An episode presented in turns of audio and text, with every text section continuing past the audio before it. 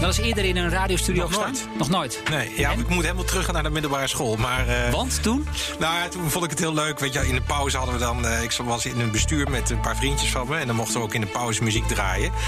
En, eh, en dat deden we. Maar wij brachten er dan in dat we ook een soort discjockey eh, gingen doen. Dus wij kondigden alles aan en weer af en zo. En dat was de ene helft van de school vond dat heel erg leuk. maar wij vonden het vooral heel erg leuk om te doen. we hebben nu voor het eerst een echte DJ in de studio. Dat, dat lijkt er een beetje op. Maar voor de rest heb ik daar. nee. Mooi. We gaan beginnen. Ja.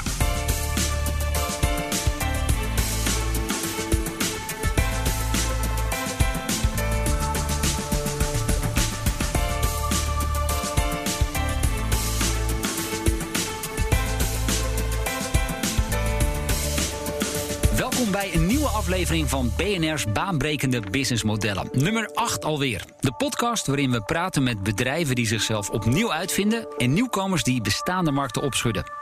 Mijn naam is John van Schagen en Patrick van der Pijl van Business Models Inc. staat hier zoals altijd weer naast mij. Immer goed geluimd, Patrick.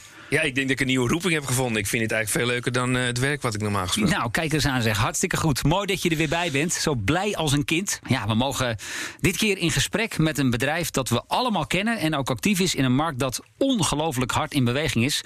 Nou, wie zij zijn, dat hoor je zo meteen. Eerst ga ik iets vertellen over de partner van deze podcastreeks... en dat is Salesforce.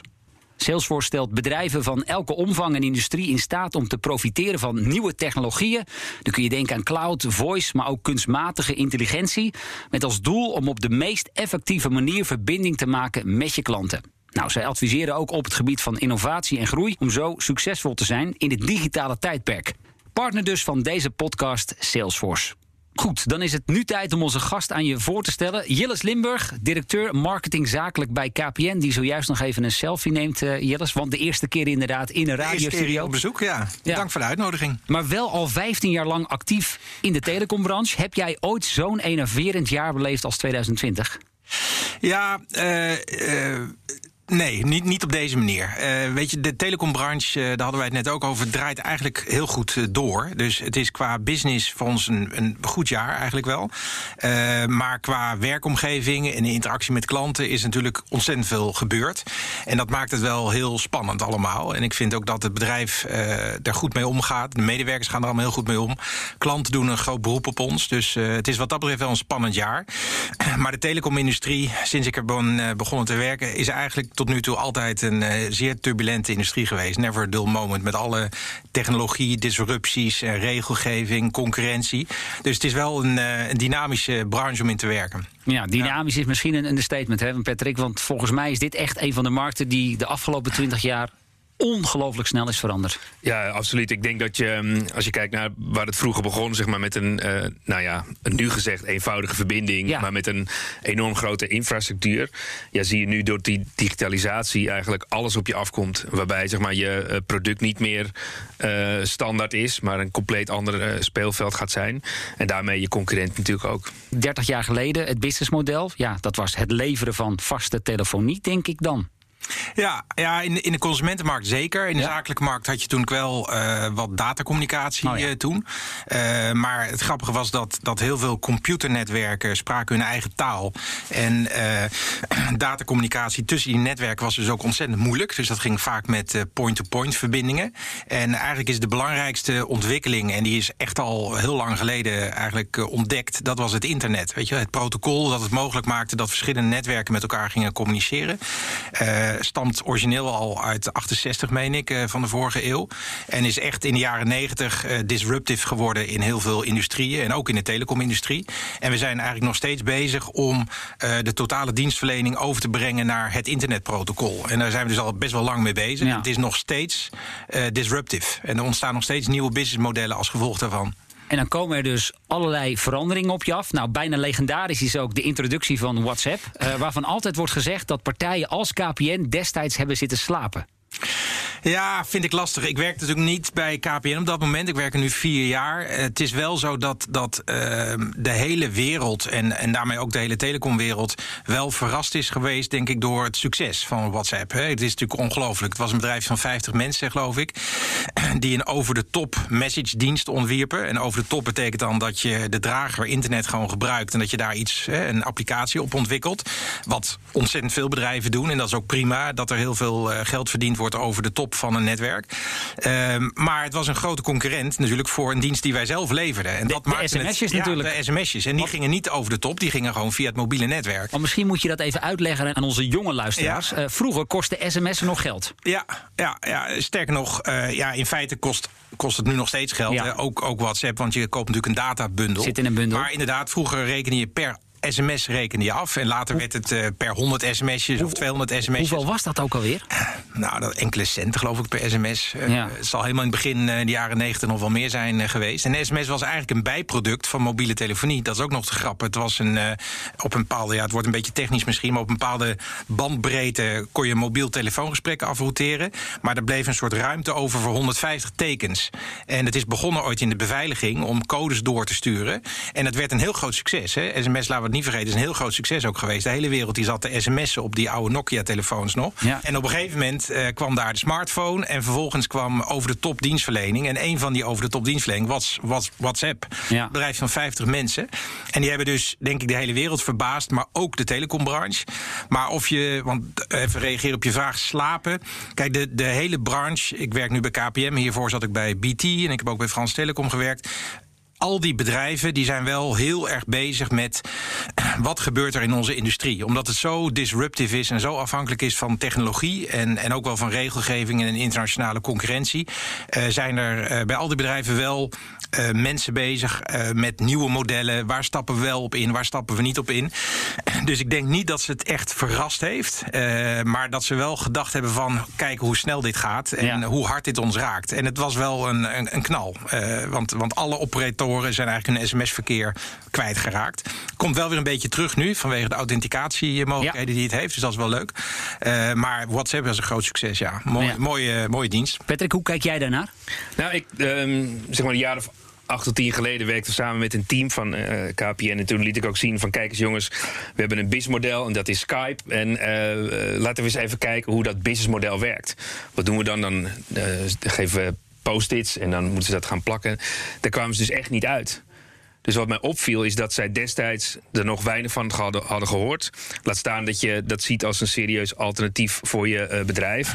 En dat zeiden ze ook uh, op dat moment van hé, hey, daar hebben nooit op die manier naar gekeken. En wat je toen zag is dat dat komt ook omdat als je op een lineaire manier gewend bent uh, je business te bouwen, dan is dat waar je goed bent, is die executie en dat te optimaliseren. En dan ga je ook minder naar buiten kijken van hé, hey, wat gebeurt er allemaal? En het had er in het verleden nog nooit iets voor gedaan uh, dat die industrie zou disrupten. En daarna zag je dat uh, Skype, dat heeft ook wel eventjes geduurd hoor. Want ja.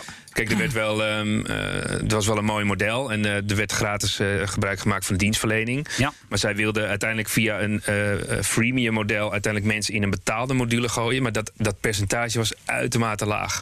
Dus um, ik denk zeg maar dat, dat destijds, um, ik denk slapen op het gebied van innovatie en, en naar buiten kijken. En niet in de huidige business. Het is natuurlijk wel een dilemma hè, voor bedrijven zoals KPN. Want je hebt een renderend businessmodel. In dit geval waren dat de sms'jes. Ja, dan ga je toch ook niet zeggen... we gaan nu een gratis dienst lanceren... die dat businessmodel even gaat opeten. Nee, dat klopt ook. Alleen dat was in de eerste instantie vaak het geval. Uh, wat we nu weten is dat je maar beter zelf uh, die disruptie aan kunt gaan en beter zelf je product kunt uh, cannibaliseren. En er is een heel goed voorbeeld van, um, eigenlijk zeg maar in de tijd van, van Netflix. Um, toen Netflix begon, moet je je voorstellen, in die wereld in de jaren negentig had je de blockbusters van deze wereld. En zij dachten met Netflix, wij kunnen dat slimmer en goedkoper, want we doen het gewoon via de mail. Hebben we al die, die vestigingen niet nodig. Alleen uh, Blockbuster had natuurlijk ook wel over nagedacht. Maar zij dachten, ja, maar wij um, verdienen nog steeds heel veel geld aan het laten terugbrengen uh, van die boxen. Uh, dus wij gaan daar niet aan het nieuwe businessmodel. En op het moment dat Netflix de stap ging maken om naar een all-you-can-eat model te gaan, was dus die mindset bij die bestaande partijen dusdanig dat ze dat echt nooit zouden gaan doen. Terwijl Netflix zei: nee, die taart is groter en we gaan het op die manier aanbieden. En dat heeft toen een enorme klap veroorzaakt en blockbusters. Ehm, en de rest is geschiedenis. Juist. Ja. Even inzoomen, Jillis, op jouw werkzaamheden bij KPN. Jij richt je daar met name op de zakelijke markt. Is die qua ontwikkeling al bijna net zo ver als de consumentenmarkt? Nou, nee, ik denk het niet. Uh, kijk, de zakelijke markt is uh, ten eerste veel complexer als het gaat over het productaanbod. Uh, complexer als het gaat om de variëteit van het klantenbestand. Hè. We, hebben, we hebben ZZP'ers die een zakelijk account willen en zakelijk bediend willen worden. En dat zijn eenmansbedrijven of, of kleine bedrijven van twee, drie mensen. En we hebben hele grote corporates die een totaal andere vraag hebben. En de consumentenmarkt is wat dat betreft wat eenduidiger. Dus daar kan je veel meer, is veel meer een marketingmachine bij wijze van spreken. En daarnaast is de consumentenmarkt bij bijna alle operators groter dan de zakelijke markt. En ligt daar ook de focus voor digitalisering en automatisering. Dus de zakelijke markt is eigenlijk altijd wel een beetje uh, in, de, in de achterstand uh, geweest. Maar het is wel een groeimarkt. Ja, ja, we zijn er absoluut die achterstand inlopen. We zijn heel erg aan het digitaliseren. We hebben, voor, hè, we hebben eigenlijk drie duidelijke proposities nu in de markt staan. In plaats van honderden producten, wat vroeger uh, zo was met allemaal technische namen, hebben we nu gewoon gezegd voor de kleine bedrijven hebben we KPN kleinzakelijk. En daar zit in principe alles in wat je nodig hebt. Voor het MKB hebben we KPN 1. En daar zit televisie in, er zit mobiel in, er zit internet in. En voor de grote bedrijven maken we slimme combinaties van netwerk, security en IT. En dat noemen we smart combinations. En dat is het, meer niet. En dat is heel duidelijk, een goed verhaal. En we zijn die processen aan het digitaliseren. Dus we spelen absoluut uh, zeg maar catch-up met, met een consumentenbedrijf. Maar het consumentenbedrijf heeft wel echt andere karakteristieken. Ja, want je schetst inderdaad datgene wat jullie de afgelopen jaren hebben gedaan. Bewust die keuze gemaakt om heel veel producten uit het portfolio uh, eigenlijk weg te snijden. Om het veel simpeler te maken. Waarom? Nou, een paar dingen. De, de, één, de, zeg maar de technologie. Dus alles gaat over IP. En, en er was in de telecombranche nog heel veel uh, met, met andere protocollen. Met on-site protocollen en andere netwerkprotocollen. Dus dat is één, vanuit de technologie uh, gedreven. Uh, ik denk wat ook speelt is dat de hele branche en ook KPN... door, door prijsdruk en, en, regelgeving in het begin van deze eeuw... ontzettend is gaan innoveren. we hadden het net ook al eventjes over. En dus ook heel veel innovaties heeft gedaan waar achteraf gezegd van ja, dat hadden we misschien beter niet kunnen doen. Je moet natuurlijk innoveren op basis van je klantvraag. Maar je moet ook, vind ik, altijd innoveren uh, in je kracht. Dus je moet wel in je kracht blijven zitten. Binnen dingen doen, ja, dingen doen waar je goed in bent. En ik denk dat dat uh, in onze branche wel eens uh, fout is gegaan. En misschien bij andere branches ook wel. Ja. Dus daardoor zit je opeens dingen te doen en in, in dienstverlening waar je eigenlijk helemaal nooit echt goed in zal kunnen worden. Dus er is wel een refocus naar core business ontstaan. Wij zijn goed in communicatie en we zijn goed in wat we noemen IT die hoort bij communicatie. Dus de werkplek is echt typisch iets wat je logischerwijs van KPN ja. afneemt, maar is wel een IT-product. Uh, security is ook logischerwijs wat hoort bij telecommunicatie. Maar dat zijn ook echte gebieden. Dus datacommunicatie, security en, uh, en IT. Ja, want je noemt nu werkplek en security. Ja. Mag ik daar dan cloud aan toevoegen? En dan hebben we het grote pakket ja. wel een beetje? Ja, zeker. Uh, cloud en, en met name het toezicht houden op de cloud. Hè. Ik bedoel, cloud wordt natuurlijk aangeboden ook vanuit de big tech. Hè, dus de Amazons en de Microsofts. En wij hebben zelf een, een, een, ja, zeg maar een, een domestic cloud, een KPN-cloud voor de veiligheid. En dat vinden klanten ook prettig. En je hebt vaak cloud op klantlocatie nog, dat doen we dan private. En, en het toezicht houden op die drie vormen van cloud. En daar komt later komt daar nog Edge bij. Dat is zeg maar de cloud die zich aan de rand van het netwerk plaatsvindt. Dat is weer een beetje een nieuw uh, iets. Uh, het toezicht houden erop, zoals wij ook toezicht houden op netwerken voor klanten. Daar zit onze toegevoegde waarde. En het, het brengen van wat ze dan uh, packages of workloads noemen van de ene cloud naar de andere cloud. Nou, dat is een heel nieuw domein. Maar wat wel logisch in het DNA zit eigenlijk van ons bedrijf. Weet je wel? Wat klanten ook logisch vinden om van ons te kopen. En, en er is in het verleden wel innovatie geweest. die uh, ja, waarvan je achteraf kan zeggen... dat hadden we beter niet kunnen doen. Nee, ja. daar heeft elk bedrijf geloof ik wel last van. Patrick? Ja, ja nou, zo bijzonder. Hè? Want als je een bedrijf bent als KPN... heb je niet alleen um, zeg maar business to business... maar ook business to consumer. En heel vaak wordt er wel gezegd met uh, wat nieuwere bedrijven... die zeggen van ja... Um, of bestaande bedrijven zeggen van... hé, hey, ik heb business to business... zal ik dan wel of niet naar business to consumer? Maar in feite uh, doet KPN beide. Ja. Wat daarvan ook wel interessant is... is die complexiteit wordt ook gevoed door het feit... dat consumenten hebben uh, minder grote problemen die opgelost moeten worden. Dus jij en ik willen bereikbaar zijn als consument. Ehm, nou, misschien heb je het daar dan wel mee gehad. Ehm, maar als je kijkt naar de zakelijke markt, uh, zag je ook in onze podcast met LinkedIn. Er zijn andere problemen die je opgelost wilt hebben. Dus het gaat over security, dat gaat over ehm, productiviteit. dat is veel complexer. Ja, dat is veel complexer. Plus dat degene die die producten afnemen en gebruiken ook niet altijd dezelfde personen zijn. Dus je hebt meerdere rollen in de organisatie. Dus de een die neemt een besluit, de andere die schaft het aan. En je hebt weer iemand anders die het gebruikt. Dus vandaar dat we beter kunnen duiden dat die consumentenwereld makkelijker is door de rollen allemaal ineens zitten. Uh, en omdat die problemen uiteindelijk kleiner uh, en minder qua aantallen zijn. Ja, herken je dat, Jillis? Ja, absoluut. En wat, wat Patrick terecht zegt, is dat het verschil tussen de, degene die de dienst aankoopt en de gebruiker is, is groot. En, maar de gebruiker wil wel dezelfde ervaring hebben als hij die uh, thuis heeft. Hè. En dat, is een, dat noemen we consumerization. Dat is voor de marketeers wel, wel, wel belangrijk. En dat is denk ik, als ik zo terugfilm, maar misschien weet jij het beter, uh, ergens eind jaren negentig ontstaan. Toen ik begon met werken, had ik, had ik op mijn werk een computer, maar thuis nog niet bij van spreken. En ergens eind jaren negentig sloeg dat om. En had je opeens thuis had je een meer um, ja, mooiere computer. En had je een mooiere telefoon. En kon je meer dingetjes doen. Oh, en, dat wilde inkoop niet. Want die zeiden: nee, nee, wij hebben hier een contract. Ja, ja. Krijgt dit bakbeest. Precies. En opeens ging het bedrijfsleven eigenlijk achterlopen op de consumentenwereld. En, en dat wil je natuurlijk niet als medewerker. Je wil niet op een oude, oude PC werken. Dus, en dat, die beleving die mensen thuis hebben, die uh, willen ze ook op hun werk terugzien. En dat vergt best wel veel van, uh, van bedrijven. Om dat allemaal daar maar aan te voldoen. Want het moet wel veilig zijn en er wordt veel gehackt in, uh, in de wereld. Dus dat geeft allemaal extra problemen. Ja, Patrick, is dit ook meteen een van de belangrijkste uitdagingen voor bedrijven als KPN in die zakelijke markt? Ja, ik denk dat. dat um, kijk, je hoort natuurlijk ook vaak van die ontwikkelingen gaan zo snel qua technologie. Ja, dat is ook zo. Dus dat betekent ook van voor KPN, waar ga je dan investeren in infrastructuur? En je moet zelf als bedrijf een veel meer visie hebben waar je goed in bent en wat je wilt faciliteren. Want die wereld daaromheen is buitengewoon complex. Dus daarom is het ook heel logisch dat je dat productaanbod um, uh, gaat reduceren. Zodat voor jou als zakelijke consument of als uh, gewoon uh, privéconsument... dat je dan de keus makkelijk gemaakt wordt voor jou. Dus waar zit de slag voor een, een bedrijf als KPN die hele complexe uh, zaken gewoon makkelijker kunnen maken en kunnen managen. Maar dat dan ook op een heel makkelijke manier kunnen aanbieden, zodat die eindgebruiker wordt ontzorgd. Ja, en dat is inderdaad een, een belangrijke voorwaarde. Um, een naam die regelmatig ook opduikt als het over KPN gaat, is Microsoft. Is dat een soort ja, partnership plus? Mag ik dat zo omschrijven? Ja, zeker. Uh, uh, Microsoft is natuurlijk een grote partij op de wereld. En onze hele werkplek is gebaseerd op uh, Microsoft. En uh, wij bieden ook hun public cloud aan op een gemanagede manier. Dus dat managen wij dan voor klanten, managed Azure. En, ehm, en wij hebben als KPN bewust de keuze gemaakt om met de grote technologieën samen te werken. Omdat wij, we zijn weliswaar groot in Nederland, maar klein in de wereld. En uh, er zijn hele grote telecomreuzen die min of meer hun eigen standaarden neer kunnen zetten. Nou, zo groot zijn wij niet. En dus kunnen we beter goed samenwerken met de technologiestandaarden die er zijn. En Microsoft is gewoon een standaard in de public cloud en in de werkplekkenwereld. Is het ook gewoon nodig vandaag de dag dat je dat doet? Omdat je als partij het gewoon niet allemaal zelf meer kan overzien? Ja, en, en de technologie, wat ik zeg, de technologie die wordt aangeboden door Microsoft in de consumentenwereld bijvoorbeeld, die willen mensen ook op hun werk ervaren. Dus dan kun je beter een werkplek maken die gebaseerd is op dezelfde uh, operating systemen, op de Microsoft operating systeem. En dat is precies wat we doen.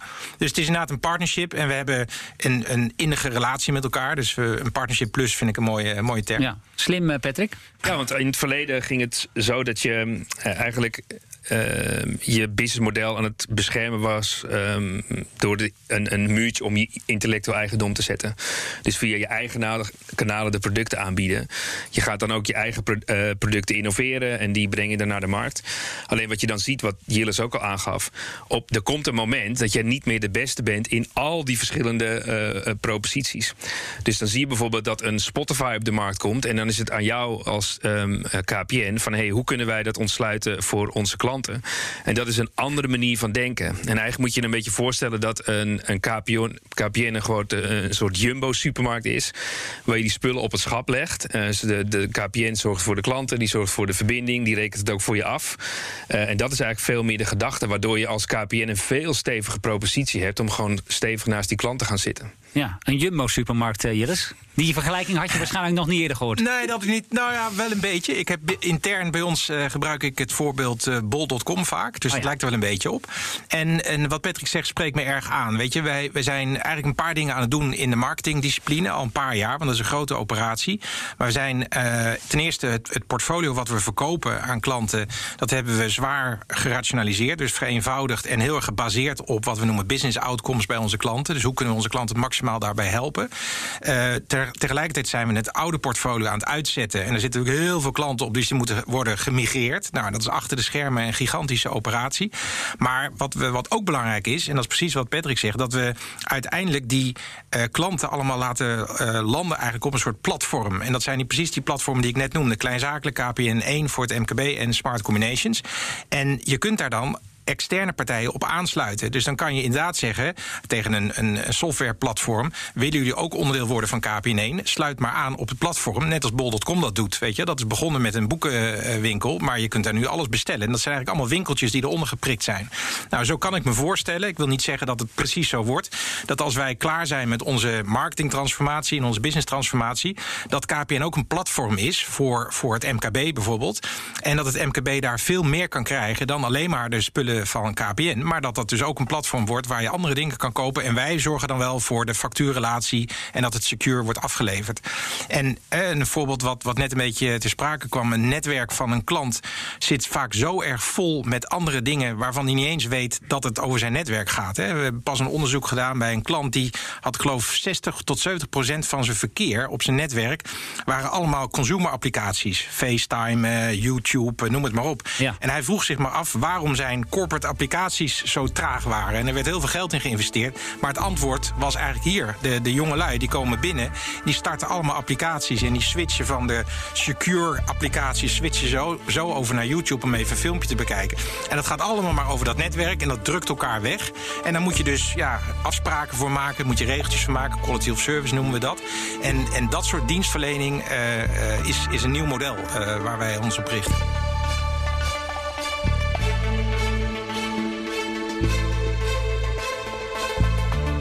Je luistert naar BNR's baanbrekende businessmodellen. De podcastreeks waarin we het businessmodel van bedrijven ontleden en ontrafelen. Mijn naam is John van Schagen. En mijn naam is Patrick van der Pijl. En onze gast in deze achtste aflevering is Jilles Limburg van KPN. Met hem praten we over de telecommarkt, de diensten van KPN en de manier waarop het bedrijf haar innovatieproces heeft georganiseerd. Zometeen hoor je meer. Eerst is het tijd voor onze wekelijkse rubriek. Wat komt er nu weer uit de oude doos? Elke week gaan Patrick en ik terug naar een bijzonder moment, een speciaal persoon of grappige anekdote uit het verleden die raakt aan het onderwerp van deze podcastreeks. Patrick, wat is jouw moment? Ja, ik dacht in die oude doos dan ga ik naar de digitale doos, dus dat is niet zo lang geleden. Dus even naar Skype. In 2003 uh, was dat gestart door uh, Niklas Zennström uit Zweden en uh, Jannes Vries uit Denemarken. Alleen wat eigenlijk niemand weet, is dat die eerste Skype-naam niet de naam was wat ze hadden gekozen, maar het was Skyper. Alleen die, ehm, ah. ja, die URL die was al genomen. Ja, ja nou ja, dan ben je. Ja, dan ga je. ja, en een ander ding is dat um, het eigen hele ontwikkelteam destijds en nog steeds voor het grootste gedeelte wordt gedraaid in Estland. Dus onder leiding van Atti, Priet en Jan. Uh, en het idee was zeg maar van dat Skype is hoe zorg je ervoor dat je inderdaad, wat Jillis net zei, um, communicatie mogelijk maakt over het uh, internetprotocol. En dat gaat via een andere methode, via een ander concept. En je zag uiteindelijk dat. Uh, dat bedrijf toen wel eens opgepakt. Dus als eerste door eBay en toen uh, doorverkocht aan uh, Andreessen Horowitz, zeg maar zo'n venture capital firm. En daarna kocht Microsoft Skype voor bijna 9 miljard.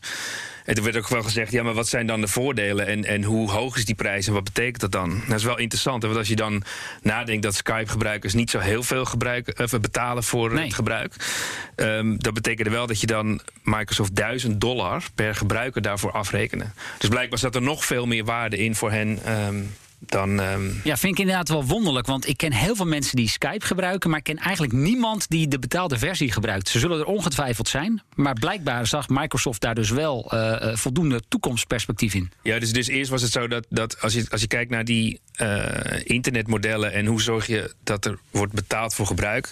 zag je wel dat bijvoorbeeld sommige proposities ineens heel anders waren. waardoor, die, waardoor mensen niet gingen betalen voor gebruik. Dus nu is het veel meer zo. Je mag een, een groot gedeelte gebruiken als je nog meer wil. Dan ga je naar een betaalde module. Dat is slimmer. Alleen aanvankelijk werd wel gedacht dat die uh, betaalde uh, diensten van Skype, zeg maar richting de 20% uh, van het aantal gebruikers gingen. Dat was echt nog maar 3 of 4%. Dus op een gegeven moment dat zij um, naar een listing gingen, werd die informatie publiek gemaakt via de SEC. En toen kwam dat Werd- zeg maar heel duidelijk naar Werd, voren. werd dat bekend inderdaad? Het zit nu, Skype zit nu onder Teams, hè? Eh, Ja. En daar, daar betaalt het bedrijfsleven grif eh, voor natuurlijk. Daar verdienen ze wel veel geld mee hoor, nu, Microsoft. Maar, Ja maar, ja, maar dat maakt het interessant. Want uiteindelijk zie je dan, dan ga je SEC kijken naar Skype. En denk je, ja, nee, maar in combinatie met een andere business, dan zie je dus dat er een enorme andere context gaat ontstaan en Ja. veel meer potentie in zit. Ja. Jillis Limburg, hoofdmarketing zakelijk bij KPN. Hij is deze week onze gast in BNR's baanbrekende businessmodellen. Um, je had het zojuist over die migratie. Het is een ongelooflijk grote operatie waar jullie mee bezig zijn. Ik noem het maar even het afsluiten van de oude wereld en overstappen op dat nieuwe digitale domein. Hoe lastig is dat? Ja, dat is, dat is echt een hele grote operatie. Ehm, kijk, er zijn gelukkig heel veel momenten die, eh, laten we zeggen, logisch zijn om naar een nieuwe dienst over te stappen. Als het contract eh, afgelopen is, bijvoorbeeld. Ehm, eh, dus dat, dat moment, daar wachten we ook heel vaak op. En dan gaan we eigenlijk seamless door naar de nieuwe wereld. En de klant vraagt er dan ook over om over te stappen naar die nieuwe wereld. Maar er zijn ook wel eh, momenten dat je eh, iets uit moet zetten, echt. En dat er niemand ehm, die nog gebruik maakt van de dienst daar echt baat bij heeft. Hè. Eh, bijvoorbeeld Zoals bijvoorbeeld, ja? het ISN-netwerk hebben we zojuist afgesloten, ISN 2. Dat Ja. betekent dat een twee, twee stromen parallel langs elkaar heen kunnen. Ik heb daar geloof ik twintig jaar geleden al afscheid van genomen. Maar blijkbaar maakten daar dus nog mensen gebruik heel van. groot, ja, ja. En er werd natuurlijk twintig jaar geleden vooral over getelefoneerd. Ja. Maar je moet voorstellen dat alles wat je hier ziet bewegen, stoplichten, hefboompjes, liften, alles heeft een lijntje eh, waar data over naartoe gaat. En, en eh, dat was voor een heel groot deel gebaseerd op ISN 2. Ah, kijk. En eh, toen wij op een gegeven moment besloten om dat uit te zetten, en we verkopen niet alleen zelf ISN 2, het wordt ook via wholesale verkocht door andere carriers in Nederland. Dat is een hele grote operatie. En al die klanten die moet je gaan spreken. En in de consumentenmarkt is dat dan nog relatief eenvoudig, omdat jij zelf ook, je bent al lang overgeschakeld op een dikke internetverbinding en daar Uiteraard. komt alles naar, naar binnen. Maar voor het bedrijfsleven was dat heel belangrijk. En de meest gekke applicaties, waar wij ook niet altijd weet van hadden, zaten aangesloten op een ISN 2-lijn. En die klanten vragen dan toch graag een, een, eh, een, ja, een helpende hand eh, om dat op te lossen. En er moet dan dus een IP-lijntje naartoe of een, of een PSTN-lijntje, wat nog wel eh, eh, live is. Eh, en dat gaat over bruggen, dat gaat over stoplichten, dat gaat over liften. Je kan het zo gek niet verzinnen of er lag nog een lijntje naartoe. Ja, vraag me toch af hoe mijn zoon Fortnite moet gaan spelen op een ISDN-lijn. Dat lijkt me toch een hele Nee, lastige, lastige uitdaging. Ja, wat wel interessant is aan dit stukje nog, is dat het, zeg maar tien jaar geleden had een college van CK Prahalat. En dat was een groot strategisch denker. En hij zei: eh, Make sure you get your assets out of your business model. Ehm dat is natuurlijk een enorme zware last. En dat is ook wel eigenlijk bijzonder aan het model van een telecomprovider. Is dat je zowel de infrastructuur moet financieren. als ook eh, moet zorgen dat je dan nog gaat betalen voor de frequentie. En dan moet je nog geld gaan verdienen. Ja. Dus je zit ook met één, beeld in één been in die digitale wereld. Maar je moet nog wel zorgen dat die infrastructuur gaat draaien. Klopt.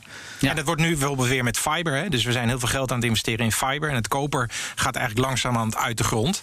En dan voor de komende 50 jaar of zo eh, hebben we dan weer fiber. Maar dat is precies wat je zegt. Dat kost heel veel geld. Moet allemaal aangelegd worden. En je klanten moeten er eigenlijk geen last van hebben. Nee, liefst niet. Eh, kijk, er zijn klanten die, eh, die, die kiezen zelf voor het overstapmoment. En die begrijpen dan ook dat er bijvoorbeeld andere randapparatuur nodig is. Eh, we hebben ook voor sommige verbindingen een ander ISRA-punt nodig. Dus het scheidingspunt zeg maar, waar, waar het binnenkomt of een ander modem. Modems ontwikkelen zichzelf ook. Dus we hebben nu een modem waar je ook een, een, een simkaart in kan stoppen. Zodat als de internetverbinding wegvalt, dan neemt de simkaart de verbinding over. En kan je gewoon door blijven pinnen. Dat is een, een, een feature in KPN1 wat heel erg handig is. Dus dus het vernieuwt ook en het verbetert ook. Hè. Dus de klanten vinden het ook vaak best leuk om naar die nieuwe wereld over te stappen. Ja. Maar het is niet altijd, eh, komt niet altijd goed uit. En eh, toch willen we het graag doen. Ja, hey, en die klanten die gebruiken jullie ook voor de ontwikkeling van nieuwe producten. En ik noem even als voorbeeld de 4G-dongel. Ja. Hoe is dat gegaan? Nou, dus dat is. eh, we praten natuurlijk veel met klanten. We hebben echt klantenpanels. En, en in de zakelijke markt, maar ook in de, in de consumentenmarkt. En, en in het MKB met name was, was het antwoord wat, wat klanten aan ons gaven.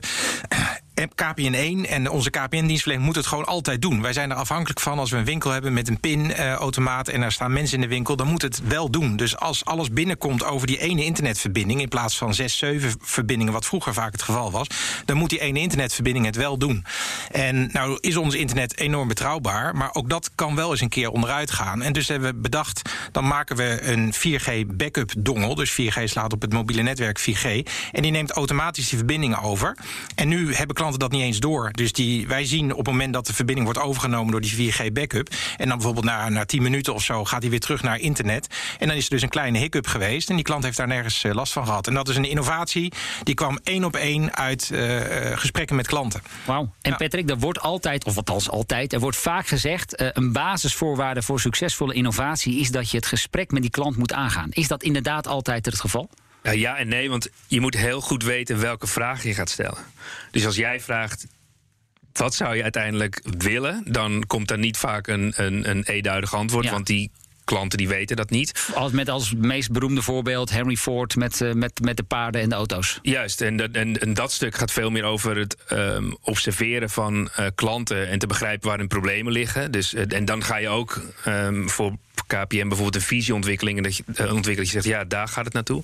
Maar een ander punt is ook wel, als jij vraagt... Um, zou je dit eventueel een, een prettige dienst vinden... en zou je bereid zijn daarvoor te betalen... dan gaat iedereen daar een een positief antwoord op geven. Alleen je kunt niets met die informatie. Wat veel zinvoller is, is om te vragen van... hé, hey, wat nou als die internetverbinding voor jou uitvalt? Wat voor problemen loop je dan tegenaan en wat is dan jouw alternatief? Kijk, en dan kom je op die concepten zoals een dongel. Dus steeds niet naar de toekomst vragen, maar naar vandaag. En vragen van ook als je dat niet doet of het lukt niet, wat is dan jouw alternatief? Ja, herken je dat, uh, Jillis? De ja, juiste de, vragen stellen? Ja, ja, ja, de business outcomes. We hebben eigenlijk drie thema's waar we het continu uh, over hebben met klanten. Dus de efficiency van hun organisatie. En dan raak je domeinen als security, maar ook de netwerken en die quality of service waar ik het net over had.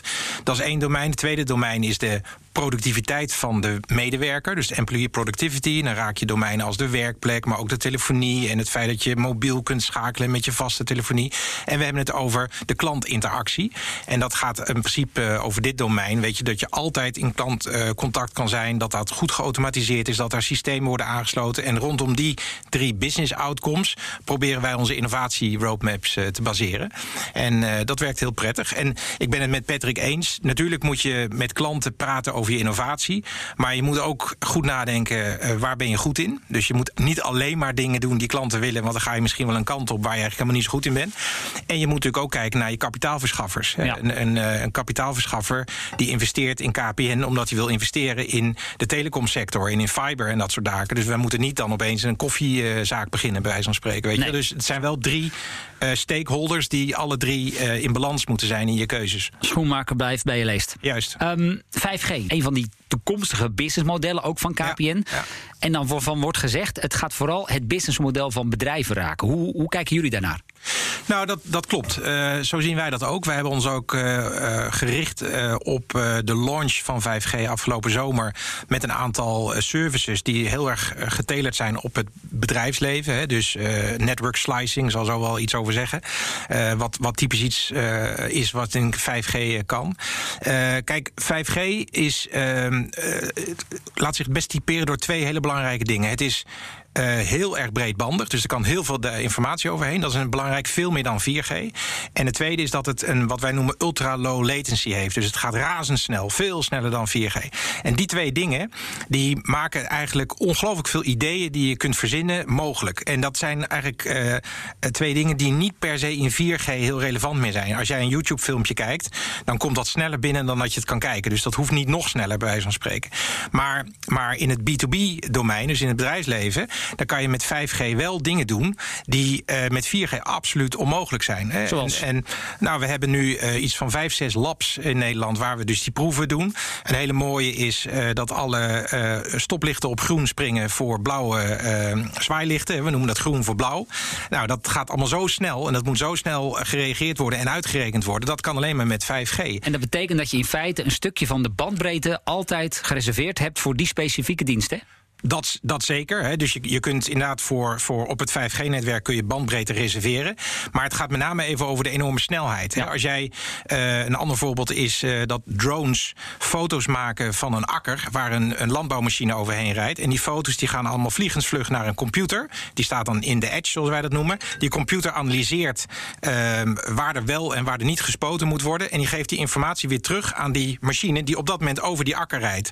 En dan die krijgt dus informatie door nu spuiten, nu niet spuiten, nu spuiten, nu niet spuiten. En dat die, die snelheid van die, van die eh, cirkel die ik nu beschrijf, die moet natuurlijk enorm hoog zijn, want anders dan gaat, het, uh, gaat het fout. Nou, ja, dat moet je, want je moet echt duizenden plaatjes ja. zo snel mogelijk analyseren. En als je dat met 4G of met wifi zou doen, dan ben je daar een paar dagen mee bezig. Ja, dat gaat veel te langzaam. En die foto's gaan veel te langzaam door het netwerk. Terwijl een high-definition foto die binnen een milliseconde naar die computer gaat en dan weer een signaaltje terug naar die landbouwmachine, dan maakt, dat, hè, maakt het dat mogelijk. En, en jullie toegevoegde waarde zit hem dan vooral in het leveren van een betrouwbaar netwerk? Onder andere, maar, maar het gaat verder dan dat. Hè. We zitten in de dronebesturing op dit moment. We, zitten, we gaan vooral in die, in die, in die, uh, in die, uh, die, die, uh, die toetsen die we nu doen, dus die de landbouwmachines en dergelijke, zijn we vooral aan het kijken van waar gaat het goed, waar gaat het niet goed, waar kunnen we geld verdienen. En in dit soort ontwikkelingen, er zitten voor KPN zeker 10, 15 dingen waar je in zou kunnen stappen. Dus het is vooral de keuze van dit gaan we wel doen, dit gaan we niet doen. Ja, want als je iets uit het verleden hebt geleerd, is dat je je wel dat je niet alles focussen. moet doen. Precies, ja. precies. Dus ons netwerk zit daarin. Edge computing, wat ik net al zei. Hè, dus dat de computerkracht vlakbij uh, de randen van het netwerk staan. Dat is typisch iets waar KPN op uh, aan het investeren is. Natuurlijk de verbinding, die drones. En voor de rest het faciliteren van andere bedrijven. die weer specifieke toepassingen hebben voor de landbouw. of voor preventive maintenance. Hè, wat, wat ook kan dat je uh, high definition foto's maakt van een, een plant, een olieraffinaderij of van een vliegtuig. En dat die vliegenslucht worden geanalyseerd door een computer. om te kijken of het nog wel safe is. of het niet moet worden gestopt. Nou, dat soort zaken. Uh, daar zijn we nu mee aan het, uh, aan het testen. Patrick, we zagen voor KPN de afgelopen 20 jaar dus de stap van vast naar mobiel. Dat was een behoorlijke omwenteling. Natuurlijk ook uh, de komst van cloud. internet heeft het allemaal mogelijk gemaakt. Denk je dat 5G inderdaad weer zo'n grote beweging ja, kan gaan veroorzaken? Ja, absoluut. En ik denk dat het verleden dat ook al wel heeft laten zien. want dat wij destijds naar een snelle verbinding gingen... waar je nog met je telefoon moest inbellen met die rare piepgeluidjes. Ja. kijk, en daar ineens kwam Spotify voorbij. En die had wat minder bandbreedte nodig. Uh, toen ging het nog wat sneller en ineens kwam uh, Netflix voorbij. Dus als je nadenkt over uh, die nieuwe BIS-modellen, dan kun je er uh, vergif op innemen dat die bestaande modellen ook wel weer gedisrupt worden. Kijk, als jij een beveiliging uh, organiseert bij iemand thuis of bij een bedrijf, kan je straks gewoon met real-life beelden ingrijpen en dat soort dingen bekijken. Maar bijvoorbeeld ook Ralf Vechten, die hier van NP Media in de studio was. Ja. ja. misschien kan jij zo meteen wel een Champions League voetbalwedstrijd editen en uh, misschien begeleiden met je stem uh, op je mobiel. Omdat die verbindingen zo ontzettend snel gaan. Ja. Dus je ziet dat, en, en het is wel belangrijk zeg maar, voor bedrijven om al een paar stappen verder te gaan kijken en zo'n situatie te simuleren. Want dan ga je het ook pas zien. Ja. En dat maakt het ook weer interessanter, want we, um, juist als je die dingen in zo'n situatie gaat stappen, dan ga je het ook echt zien. En ik weet nog heel goed, um, we deden met een, een luchthaven een, een, spel in januari om te kijken van ja, hoe zou het nou anders gaan hè, als er geen vliegbewegingen meer zouden zijn. En ja hoor. Jullie hadden uh, een vooruitziende blik. ja, ja. Maar, maar door, die, door die beperkingen of door wat je gaat zien in je hoofd, uh, dat gaat uiteindelijk ook voor zorgen van hé, hey, wat gaat dat snijvlak van die nieuwe BIS-modellen zijn? Ja, uh, en daar zijn jullie ook mee bezig, hè? Nee, dat zijn de field labs letterlijk. Hè, dat zijn dus laboratoria, maar dan in het echt, in het, in het veld.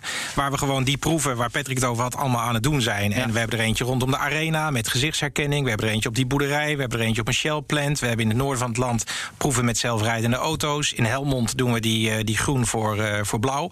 En, en uh, het is kijken of de techniek werkt. Het is kijken welke partijen allemaal betrokken zijn. Waar de verdienmodellen zitten. Ja, het is interessant inderdaad. Want het is natuurlijk een enorme investering die je doet. Ja. Hoe gaan jullie daar geld aan verdienen? Nou ja, wat ik zeg, een, een, een, een, een voorbeeld, een heel simpel voorbeeld. Een klant belt naar een callcenter en een callcenter gaat zorgen dat ze alle informatie over die klant vergaren. En die gaan vervolgens een pakketje sturen via een drone naar die klant. Weet je wel? Dus dat is een heel simpel voorbeeld. En toch kan je, als je dat gaat doordenken, kan je zeker 14, 15 dingen verzinnen waar KPN in de toekomst geld mee zou kunnen verdienen. En de kunst is met name om dingen niet te doen en er dus niet in te stappen. Maar vooral te kijken waar is een operator. Wij zijn goed in volumes, dus dingen moeten honderdduizenden keren kunnen herhaald worden. En uh, stappen we er dan in. En uh, als het gaat over 5G, zit dat natuurlijk in het netwerk, zit dat natuurlijk in edge computing, zit dat natuurlijk in services die we zelf zullen gaan launchen op het uh, netwerk. en vooral het verbinden van heel veel partijen die dan toepassingen kunnen lanceren op het netwerk. Ja, en wat ik dan ook wel aardig vind, wat ik tegenkwam, is dat jullie daarover brainstorm sessies gedaan hebben met kunstenaars. Om te kijken hoe die toekomst eruit gaat zien. Ja, klopt ja. Ja, ja, ja de credits daarvoor moet ik ook aan, uh, aan Ivo Zuidam geven van, van First. Uh, die het Humboldt-huis heeft opgericht en, uh, en, daar allemaal kunstenaars bij betrokken heeft. En we hebben toen inderdaad een sessie met hem gedaan. En het is wat, wat Patrick ook zei. Eigenlijk is ons menselijk brein op dit moment een beetje de beperking om dingen te verzinnen wat je allemaal kan doen met een netwerk wat een ultra low latency heeft en, en eigenlijk schier oneigenlijke bandbreedte. Hè. Straks ook met fiber in de grond. Ja, en we zijn gewoon niet zo heel goed als, als, als wereld om dingen te voorspellen. De mobiele telefoon, toen die was uitgevonden, had ook niemand voorspeld dat iedereen er eentje zou hebben. En toen de telefoon werd uitgevonden, dachten ze dat het ook alleen maar voor de burgemeester was. Weet je wel? Dus we moeten uh, vrijuit kunnen denken. En, en, gelukkig hebben heel veel mensen bij KPN werken die leuk en goed en vrijuit kunnen denken. Maar het is heel interessant, en dat heb ik dus inderdaad gedaan, om met een paar basisinformatiepunten uh, naar kunstenaars te gaan die helemaal niks begrepen van 5G. En vervolgens zijn die een uur lang uh, dingen gaan roepen. En ik moet zeggen. Uh, en zoals van bijvoorbeeld, wat heeft je het meest Nou, het ging heel erg over, over gebruik in de, in de zorg met name. Dus dat was leuk. Uh, en 5G maakt dat ook mogelijk, hè, dat je op afstand chirurgie en dat soort zaken doet. Maar, maar ik merk dat, dat ik en mijn collega's en iedereen in de industrie, wij blijven toch in een bepaald domein, weet je wel. En, en als je iemand hebt die totaal iets anders, een andere referentiekaart, die komt met, met gekke ideeën. En van ja. de tien ideeën zijn er misschien negen krankzinnig, maar er is er één daar ga je toch over nadenken. Ja. Dus dat is gewoon heel leuk om te doen. Kunstenaars uh, tijdens de brainstorm sessies die jullie organiseren, Patrick, zou het wat zijn? Ja, ik zou het nooit doen om uh, zeg maar je bedrijfsstrategie te gaan maken. Nee. Uh, alleen wat, kijk, wat interessant maakt is dat we zijn geprogrammeerd als manager in het oplossen of het zoeken naar het ene probleem. Dat wil je oplossen. Wat het met kunstenaars interessant maakt, of met designers, die hebben zeg maar verschillende opties die ze openhouden. En dat doe je ook omdat je uiteindelijk wilt uh, ontdekken wat je nog niet weet. Terwijl als je al weet wat je weet, ga je ook niets nieuws ontdekken. En dat maakt het interessant om met kunstenaars aan de slag te gaan. Door te zeggen van hé, hey, laten we nou eens kijken waar zij mee gaan komen. Want dan kom je zeg maar op tot andere inzichten. En het wil niet altijd zeggen uh, dat het meteen een, een nieuwe positie of een product gaat, gaat zijn. Maar je komt op een ander pad. Waardoor je andere dingen gaat ontdekken die je dan weer kunt toepassen. Dus daar is het buitengewoon uh, bruikbaar voor. Ja, ja, zeker. Ja, dus ik uh, had geloof ik van tevoren gezegd dat het ongeveer een half uur zou duren. Um, het is een klein beetje uitgelopen. Maar we moeten er helaas nu toch echt een, een punt achter zetten. Dank voor de komst naar de Dank studio. U. En tegen onze luisteraars zeg ik: Vond je dit nou interessant? Check dan ook onze andere afleveringen in deze reeks. Volgende week vrijdag dan vind je weer een nieuwe aflevering op bnr.nl en in je favoriete podcast-app. En dan te gast ING.